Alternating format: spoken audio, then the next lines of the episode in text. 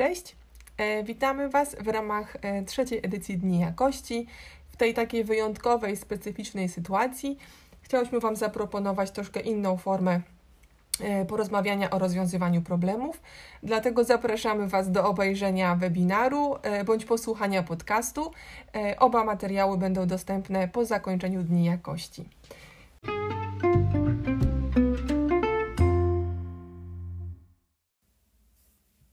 Nazywam się Małgosia Kwiatkowska-Bojda. Jestem liderem systemu zarządzania jakością WAPKO Polska.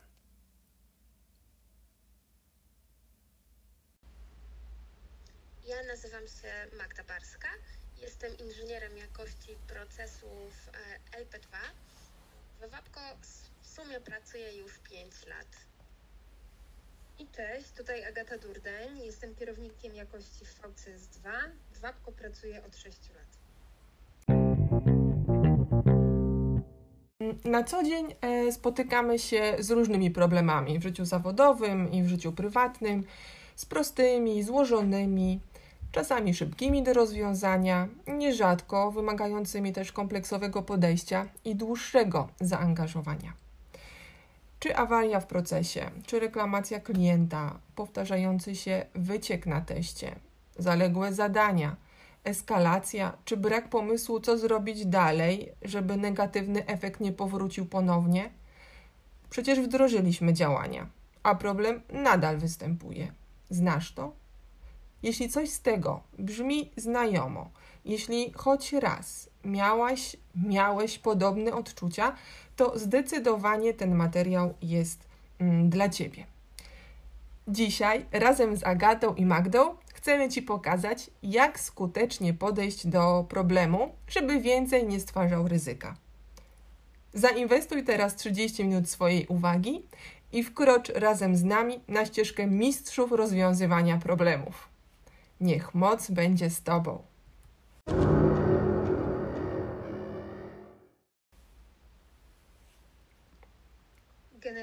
Istnieje szereg różnych narzędzi i metod analizy i rozwiązywania problemów. Z pewnością niektóre z nich stosujesz na co dzień. Być może niektóre lubisz bardziej, e, inne natomiast zupełnie do ciebie nie trafiają. Dzisiaj jednak trochę inaczej niż na standardowym szkoleniu. Chcemy zachęcić Cię do refleksji i do cofnięcia się do podstaw procesu rozwiązywania problemów. Jak to w procesie? Zawsze jest określony cel do osiągnięcia. Zasoby i metody. Naszym dzisiejszym celem będzie analiza i rozwiązanie problemu w dziewięciu prostych krokach.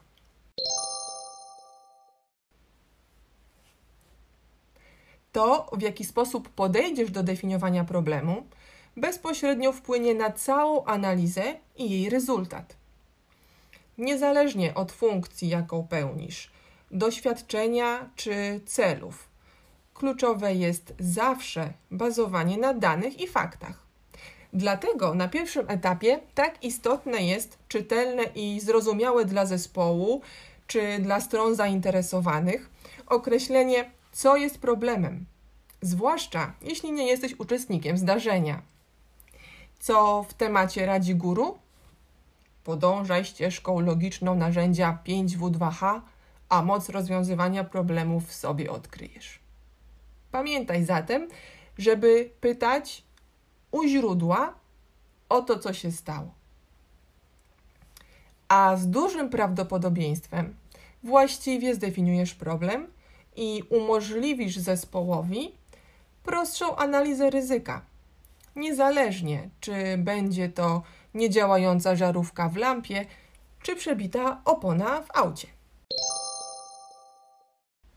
Ocena ryzyka, czyli po angielsku risk assessment, to z kolei drugi etap przedstawianej przez nas analizy.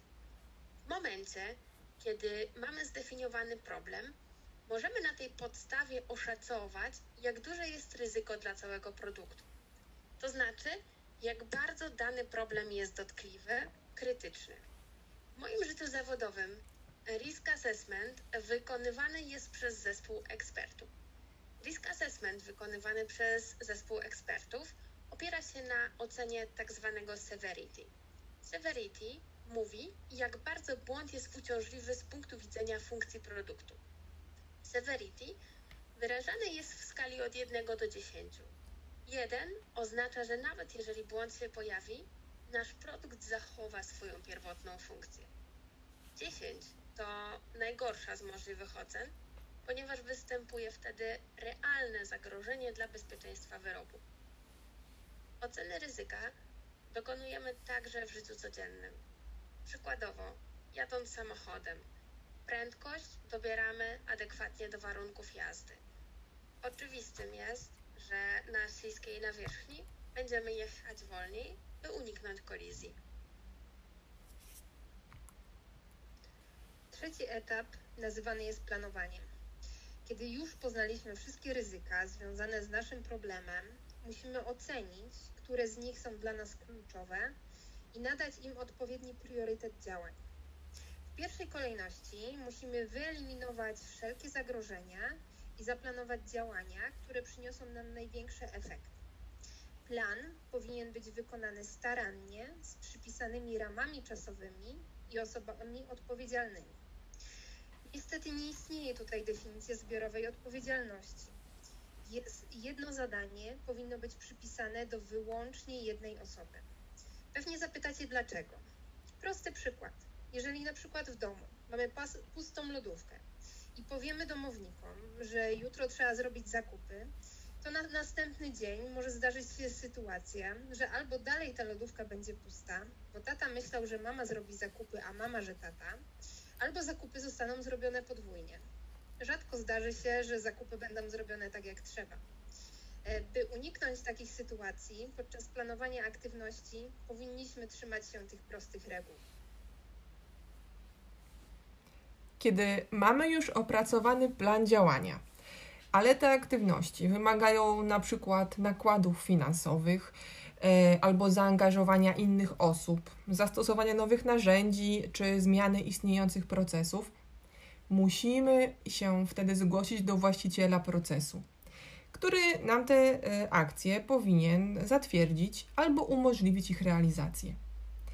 Nie wymienię przecież przebitej opony w aucie, jeśli na koncie 0 zł. A jeśli auto nie należy do mnie, tym bardziej musisz powiadomić właściciela o usterce i ustalić szczegóły naprawy. Kolejny etap to wdrożenie zaplanowanych wcześniej działań. Podczas wdrożenia ważne jest, by już e, w tym etapie zweryfikować, czy podjęte przez nas działania wykryją potencjalny błąd. Przykładowo, jedziemy autem, przebija nam się opona, wymieniamy ją i już wtedy sprawdzamy, czy jesteśmy w stanie kontynuować jazdę. Dokładnie, ale czy ta opona nie popsuje nam się dalej w trakcie jazdy? O tym mówi nam monitorowanie, czyli szósty etap. Właśnie po etapie wdrożenia musimy czuwać, czy nasze działania są skuteczne, czy przynoszą zamierzone efekty i czy przypadkiem nie pojawiły się nowe szanse i zagrożenia.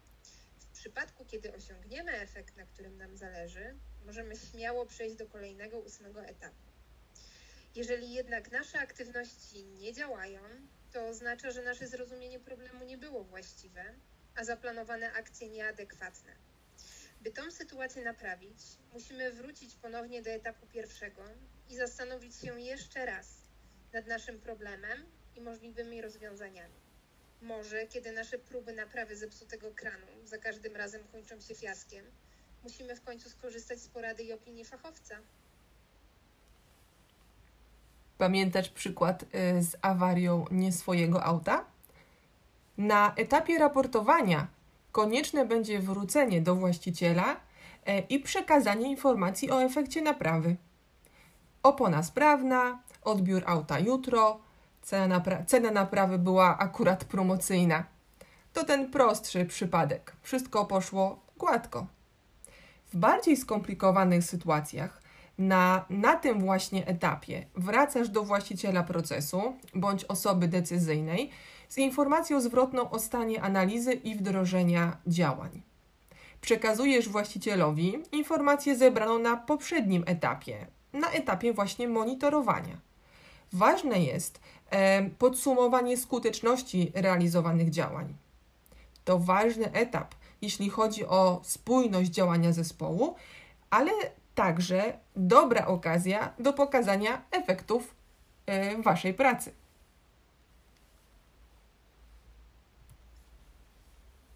Przedostatni etap e, procesu rozwiązywania problemów to eskalacja. Eskalacja to wzmocnienie przekazu, gdy podejmowane do tej pory działania są nieefektywne. W pracy zawodowej e, eskalacja ma miejsce w momencie, gdy przykładowo zaplanowane przez nas działania wiążą się z dużym wydatkiem. Należy wówczas raporty przekazać do najwyższego kierownictwa, by uzyskać zgodę na określoną inwestycję. Także w życiu codziennym mamy do czynienia z eskalacją. Przykładowo, gdy e, zostawiamy samochód w warsztacie, samo, e, w warsztacie samochodowym, zostajemy poinformowani, że auta nie da rady doprawić do końca tygodnia. Wówczas podejmujemy negocjacje z właścicielem i okazuje się, że auto odzyskujemy już następnego dnia. No i ostatni etap procesu nazwany jest kontrolą. By mieć pewność, że problem, z którym się borykaliśmy, nie powraca, cyklicznie należy monitorować i kontrolować sytuację. Musimy mieć tutaj pewność, że nasze akcje są skuteczne. Zapytacie pewnie, jak długo ma być utrzymywana taka kontrola. To zależy, jak istotny jest dla nas analizowany problem. Natomiast w środowisku zawodowym ustalony jest czas 30 dni do wdrożenia aktywności za zupełnie wystarczający.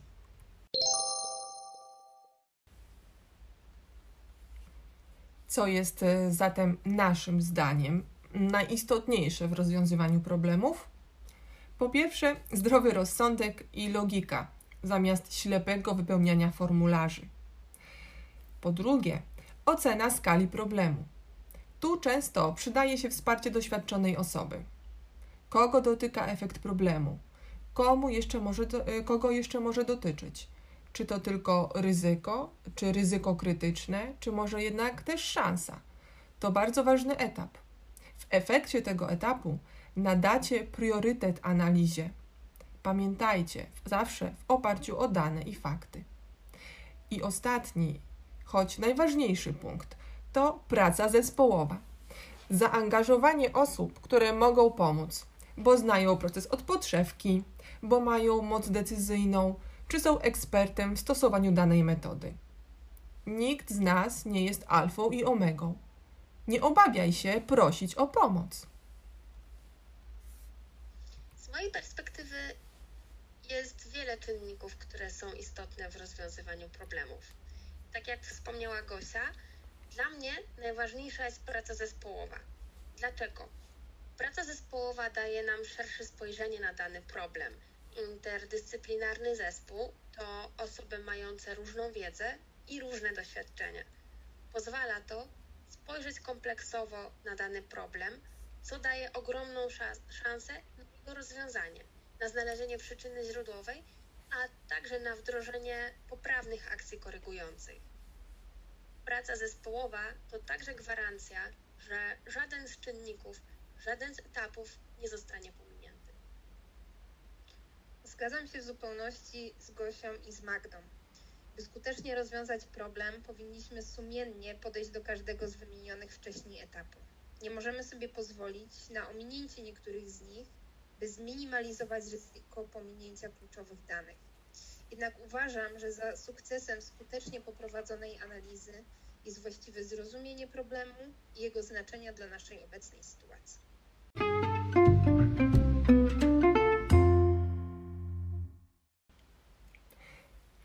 Na zakończenie naszego spotkania e, dziękujemy Ci za udział e, i wierzymy, że ten czas pokazał Ci, że rozwiązywanie problemów jest dla każdego.